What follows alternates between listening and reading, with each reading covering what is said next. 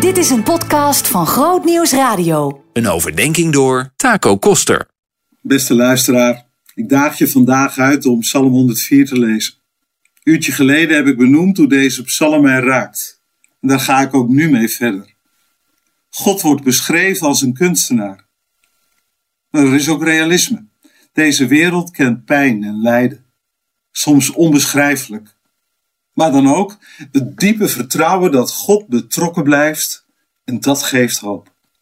En dan nu verder. In Psalm 104 wordt de samenhang van het leven op deze wereld nadrukkelijk onder woorden gebracht. Ik vind dat wel opvallend. We zijn snel geneigd om de mens centraal te plaatsen. En hé, op andere plekken in de Bijbel klinkt door dat we als mensen een hele bijzondere positie en verantwoordelijkheid hebben gekregen. In deze psalm is de positie van de mens wat meer bescheiden positie.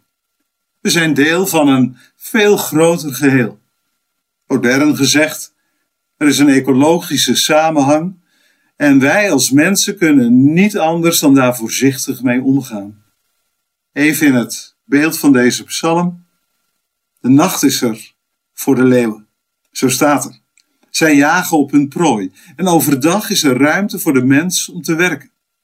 En deze orde heeft de mens te respecteren. Of nog weer wat anders gezegd, we zijn niet alleen op deze wereld.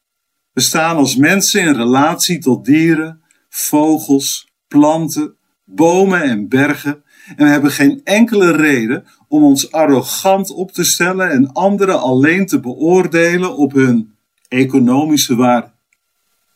Open je ogen voor de samenhang. En vergeet niet, God heeft heel de wereld op het oog, met alles erop en eraan. Hij is de creatieve schepper. Dan eindigt deze psalm zowel met een uitnodiging als een waarschuwing. De uitnodiging klinkt om God te prijzen. Voor de Heer wil ik zingen zolang ik leef, een lied voor mijn God zolang ik besta. Worden uitgenodigd om God te prijzen en te danken. Mooi hè? En toen kwam ik dit citaat tegen, best scherp. Je loflied klinkt alleen als muziek in de oren van God als je zo leeft dat ook de vogels van de hemel hun loflied voor de schepper kunnen blijven zingen. En als je zo leeft dat alles wat adem heeft kan leven, kan bloeien en zo de Heer kan loven. Dat is dus ook een uitnodiging om voorzichtig om te gaan met onze wereld. Want ons loflied wordt vals als er steeds minder vogels zingen. Ons loflied wordt vals als er steeds minder bomen jubelen. En dat brengt me dan als vanzelf bij dat andere woord, waarschuwing. Daar zijn we wel minder goed in.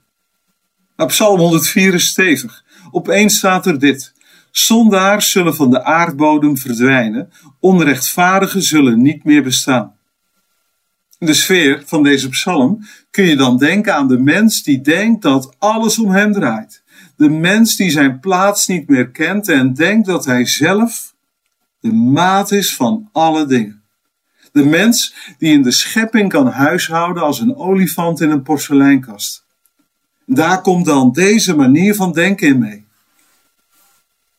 Hoezo? Bomen van de Heer, zoals vers 16 zegt. Hoezo? Want ik wil goedkope, hardhouten tuinmeubels, dus haal maar neer, die woudreus. En hoezo? De hoge bergen voor de steenbokken, zoals vers 18 zegt. Dat zal best, maar ik wil wel lekker en goedkoop kunnen skiën. En de schade aan de natuur die daardoor ontstaat, dat is niet mijn pakje aan. En hoezo? De zee waar het wemelt van dieren zonder tal. Vers 25. Prima, maar ik wil gewoon goedkoop een lekker visje eten en dat de zeeën steeds leger worden is niet mijn probleem. Voor deze mens, die alleen voor zichzelf leeft, is er in Gods schepping geen toekomst. En dat is confronterend. Ik weet wel dat ik dan vergeving nodig heb. En een nieuwe manier van denken. En een nieuwe manier van doen.